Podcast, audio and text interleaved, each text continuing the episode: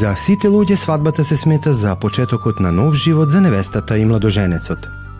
Од моментот на бракот тие поминуваат ни животот заедно. Радувајќи се ги градат новите врски, надминувајќи ги тешкотиите. Ја посетивме фамилијата Камчевски, каде Драгица и Димче ја обележија токму златната свадба, 50 години на заеднички живот. И одам во Македонија и таму на Кордо со еден другар, овде студираше на факултет. И стоиме така, она со сестра е, си ода на Сета, тоа е Кордо кон нас, Кордо Сета. И му велам на Бранко, на другар, ова ќе биде моја ја и кај ти, ти лут, кај јако ти велам дека таа ќе биде, ти вериш не. И вечерта си отидо. Другата вечер излезе пасо сестра е. И му велам на друга Бранко, ја кој ќе појдам. Ова, ми кажа кој се вика што има завршено се, таму се знае прилеп се тоа. И велам кој ќе земам драгите, да ти земи сестра ми, нему да ја пушти дори ја не направим уговор. и одам таму, драгите, да почна нешто ова, она, не сакам ја, не те познавам ова, и избега. И појда дома. Други, другиот ден, пана корза, ама и не зе и се бендицов, ја бев многу убав во времето, во времето. И излезе другиот пат, третиот ден. Си елам вака и вака. ја имам намера да се женам. Зебанци нема. Ако сакаш, а, па, о, ја не знам ништо, ја имам татко, мајка. Ја имаш татко и мајка? Имаш. Ајде да одиме таму. Ама, одам таму, добро вечер, добро вечер. Ја рекол сум, дојде да ја женам черка. Да се женам за неја.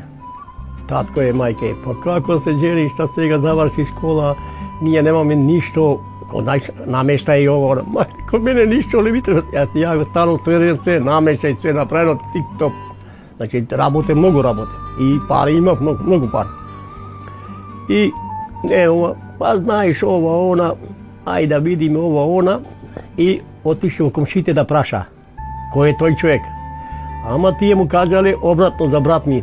Брат ми некој пјач гат беше. И, абе како ќе се го давате ова она? И тогаш отише ке некој роднини во, во истата улица. И прашале бе како, вели тоа дете нема алтан дете, тоа си работи. Ја таму завршив занат уште 4 години, мајтор, отвори дуќан приватен, Ја работев до 3 до 2 и пол на работа, дома сидам приватно, три мајстора држев, кој уште ја и плаќам три фабрика отвори, дуќан, а тоа ти било.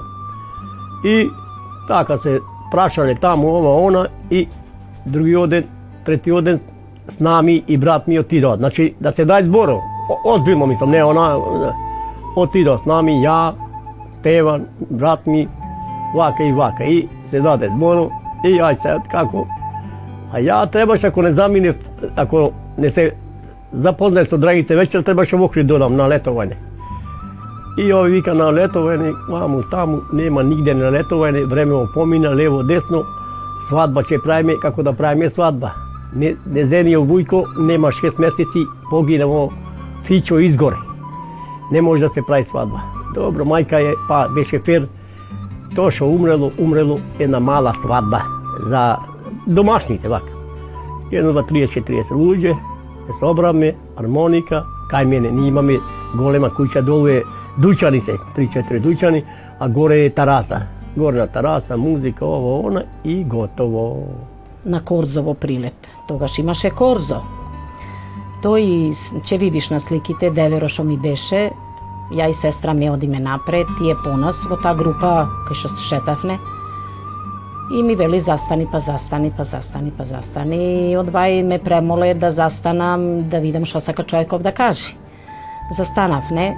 А сестра ми му вели два-три кор... два, три корака, појќе немој подалеку да одиш со сестра ми. Добро да рече овде ќе ја прашам, нема проблем.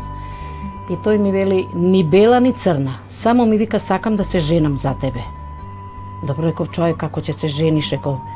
Па реков, вие сите за една вечер се жените и после догледање не бе били озбилно и ми кажа, работи во Радио Нови Сад, а, има свое станче и сето тоа. Реко, слушај, ако си стварно со искрени намери, ја реков, не сум сама, не сум пуста, имам родители, повели дојди кај родителите да направите муабет, а немој сам да идиш, да дојдиш со мајка ти, со татко ти. И стварно така беше и сето тоа се одигра. Ја и тој се зедовне за рок од недела дена. Значи, толку кратко време. Да никој не можеше да верува дека Трагица ќе се маже и ќе оди за Нови Сад. Прославувањето на годишнините од свадбите и родендените започна во средневековна Германија. Дури кон крајот на 18-тиот век овој празник почнал да се слави и во другите земји, и ова романтична традиција се прошири низ целиот свет. Секоја земја има свој имиња и правила за заедничко прославување на животните годишнини.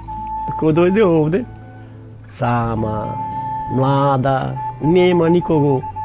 Едино с нами и брат ми. Не е тоа, с нами брат ми на работа. Само може да поди одучек. Цел предучек дома сама. Ја работам. И одучек работам, та сама. Така да не, имаше проблема првите 6-7 месеци, првите имаше проблема и ја плаче. Ја и велам драгите. нема тука што да се плаче. Че те однесам назад, завршена прича, не можеш ти татко, мајка, ово. Кој е дивна да плаче. Ја не смем таму да се врата, што череча комшите, ја истерал, и ово, оно, и така. Е, останам од друго стајане, и ја вјасав, помина време 35 години.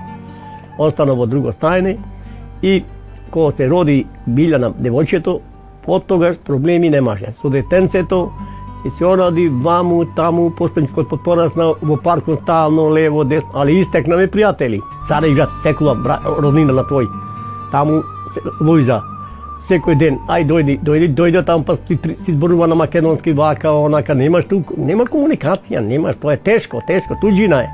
Кој не е со туѓина да ја и ден денеска? Туѓина е тешка. А тоа сето ми се чинеше многу дека е многу лесно. Шо ќе одам ја во Нови Сад, луѓе одат во Австралија, одат вамо, одат таму, али кога дојдов овде, прво стасавне во Београд со воз, И сега ми вика Димче, ајде сега на автобус. Отриков кај одиме сега. А ми има рече уште сат и пол вожња. Каде бе? Ми Нови Сад. И ништо ко дојдовне, еве дојдовне во ова станче. Ден и ноќ плачев, не можев да се навикнам, али многу тагував за родителите. Татко ми покојно ми беше болешлив малку.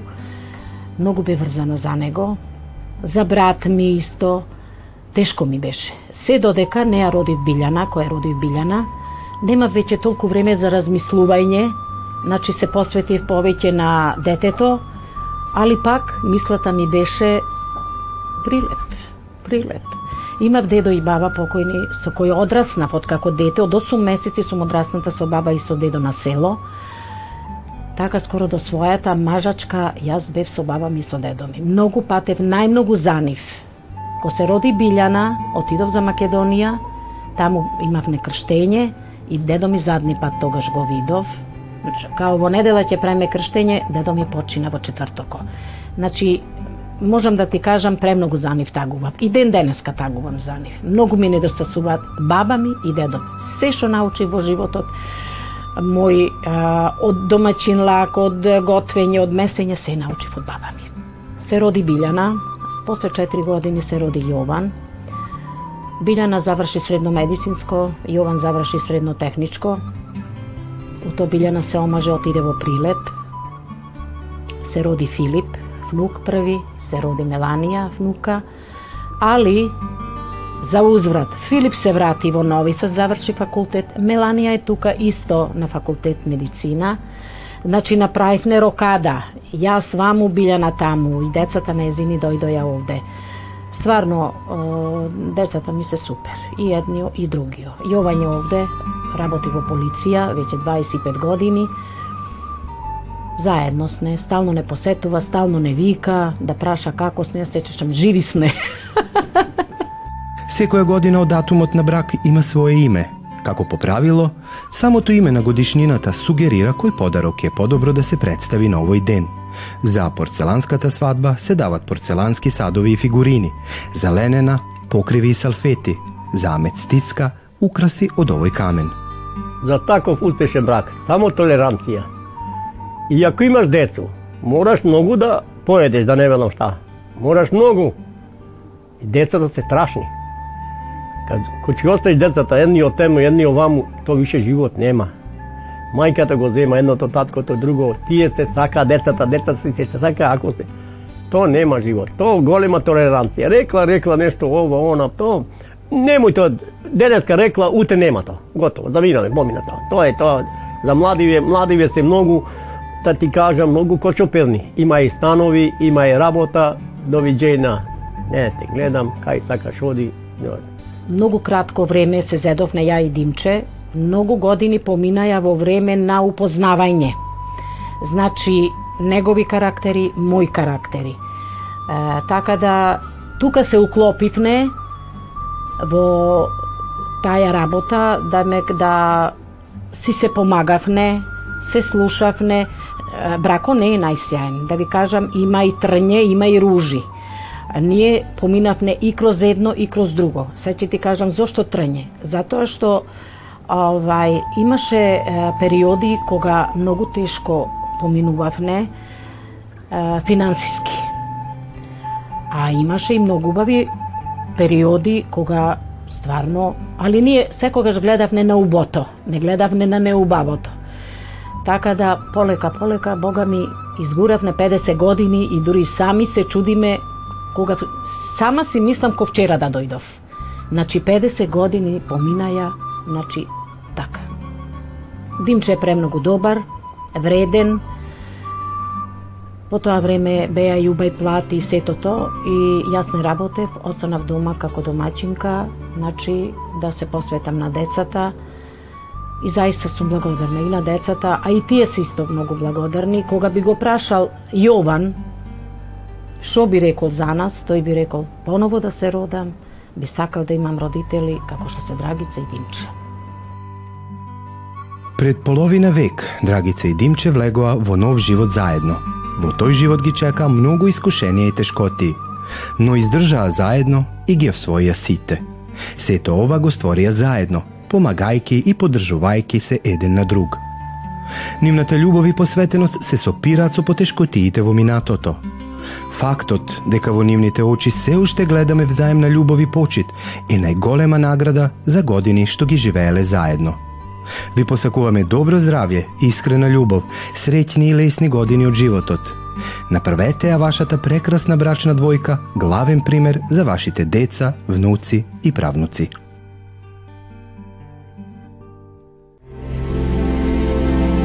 Гледате палету.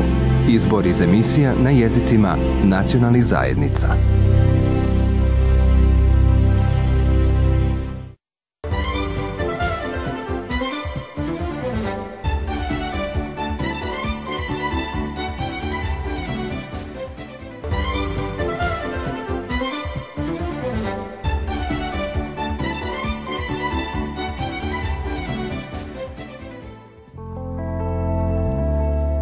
На театарската сцена на Академија 28 во Белград се одржа светска премиера на монодрама на сомнително лице од писателот Бранислав Нушиќ, а во маестрална изведба на актерот Роберт Ќосев од Скопје. Ја не знам што би рекол за, за себе многу, затоа што и нема ни многу што и да се каже. Али ето бар бар толку колку што видовте вечерва. А, ако ништо, ако ништо друго, бар ето еден еден комат, едно дело овакво као што е сумњиво лице беше одиграно као монодрама. Нушиć се игра уназад 100 години. Нуши сме го гледале безброј пати во многу театри, во многу градови, во повеќе земји. Меѓутоа, како монодрама, у форма на монодрама, до сад никогаш. А, са, а сега, откако јас ја одиграв оваа премиера, ми, ми е јасно зашто не сме го гледале тоа како монодрама. а, превише е тешко, превише е тешко. Уште се памети како пред неколку години овој актер од Македонија на неверојатен начин ја одигра улогата на Јеротије Пантиќ во групна представа Сомлитено лице во режија на Иван Бекјарев. Во таа 2016 година премиерата беше во Сава центар. Тоа беше ансамбл представа, значи една голема екипа, пуна ансамбл екипа представа. И тоа е многу, многу полесно да се одигра него монодрама. Монодрама, кога е во прашање еден оваков комад, иначе ако е текст написан, напишан како монодрама, тогаш е наравно многу полесно. А ево, вие бевте сведоци вечерва, во еден момент мене ми не знам да се примети, наравно може да се примети, мене ми пукна глас. И онда јас морав да ја спуштам топката, што се вика. Фактички не издржав цела представа со иста јачина. Тоа нема да биде во, во следните играња, али на премиерава се деси тоа. Значи, мене ми, од тоа и ми беше највише, да кажам, страв. А, как, дали ќе можам цела представа да ја изгурам до крај, што се вика, затоа што јас на пробите, иако имав доста проби, ниту еднаш не направив прогон. Е сад, да објаснам, што е прогон, вие може да знаете, али за гледачите, кои што не се упатени толку во тоа, прогон, кога се спрема, кога се припрема една представа, она се спрема дел по дел, сцена по сцена, сцена по сцена, меѓутоа, пре него премиера да буде, јас се извинјавам вака што мешам македонски и српски, а, а, а, овај, а, се прави прогон и тоа најмалку десетина пати. Прогон, тоа значи целата представа, цел, целото дело, целиот комат да се врзи, да се веже од, од, из цуга. Јас тоа не го направив ниту еднаш, затоа што е превише тешко. И решив да идам на варијанта кога ќе излезам испред публика. сакаш, неќеш, ќе се снаоѓа.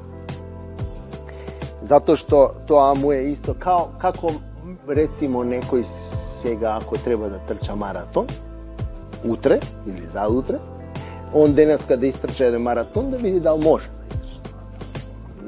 не иде. Ако истрчаш денес маратон, треба време после пар месеци да се одмараш, да можеш нов маратон да а, тешко е. И јас не можев да направам прогон цел, затоа што немав толку време и да се одморам до премиерата. И едноставно ова беше ова беше првиот прв пат испред публика кога цела, целиот комад го одиграв одеднаш. Самата представа, како и цела актерска поставка, доби одлични критики, но најголемо внимание на публиката им привлече токму новото лице, гостинот актер од Македонија Роберт Ќосев. Јас кога бев дел од таа представа, сумњиво лице у целиот е, ансамбл пред пет години овде во Београд кога се играше, е, тогаш јас добив многу убави реакции од страна на публиката. Аплаузи и све оно што иде уз, уз, уз убава реакција. Ам, меѓутоа, тоа е беше многу полесно да се одигра. Затоа што таму имаш една, тоа е, ако сме ние 10, 10 или 12, не знам колку бевме во тој ансамбл, секој, секој спреми своја улога, и тоа е рецимо 10, 15, 20% од целата представа. А кога е монодрама, тоа е 100% од целата представа. Значи, бар, бар пет пати е потешко. Бар пет пати. Да, а, а е многу повеќе, можда и 10 пати, затоа што кога е кога кога имаш партнери со тебе на сцена, ти имаш време да се одмориш. Додека другите имаат своји реплики, ти одмараш. Па онда ред кога доаѓа на тебе, ти опет, али одмараш и така се распоредува некако таа тежина или напор, а кога е монодрама, видовте и сами, нема одмор.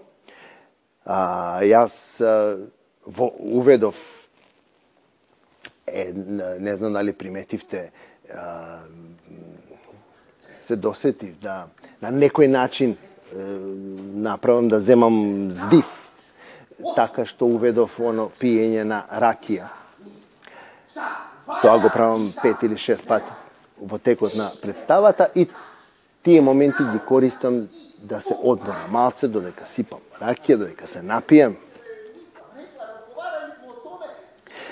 Ту, е, уздишка некоја земја, да кажеме, да така. Али, а тешко е, многу е тешко. Пет пати или десет пати е потешко. Истата, истиот комад истата представа да се одигра како монодрама, успоредба со тоа кога се игра со пун ансамбл. Во оваа монодрамска изведба на ова познато дело на Нушиć, Руберт си даде слобода да го зачини со деталите кои го подсеќаат на неговата родна Македонија. Нушиć не прецизира точно каде се дешава е, оваа цела приказна наговестува дека е некоја јужна покрајина, таму негде јужна покрајина. се во тоа време пред 150-50 години, каде е тоа јужна покрајина, не знаеме ни овој, меѓутоа и јас си дозволив себе си да уведам некои детали кои подсеќаат на Македонија и на Скопје. Чисто да го направам можда својствен целата таа приказна на, на, на, на себе, затоа што сум јас од Македонија, од Скопје. И така, мали, интересно, мислим дека интересно звучи. За плановите на иднината нашиот соговорник со гордење истакнува. Со оваа монодрама ќе може публиката да ме гледа овде во овој театар секој месец. Значи редовно секој месец ќе бидам на репертуарот а за други представи и за други улоги ќе видиме понатаму.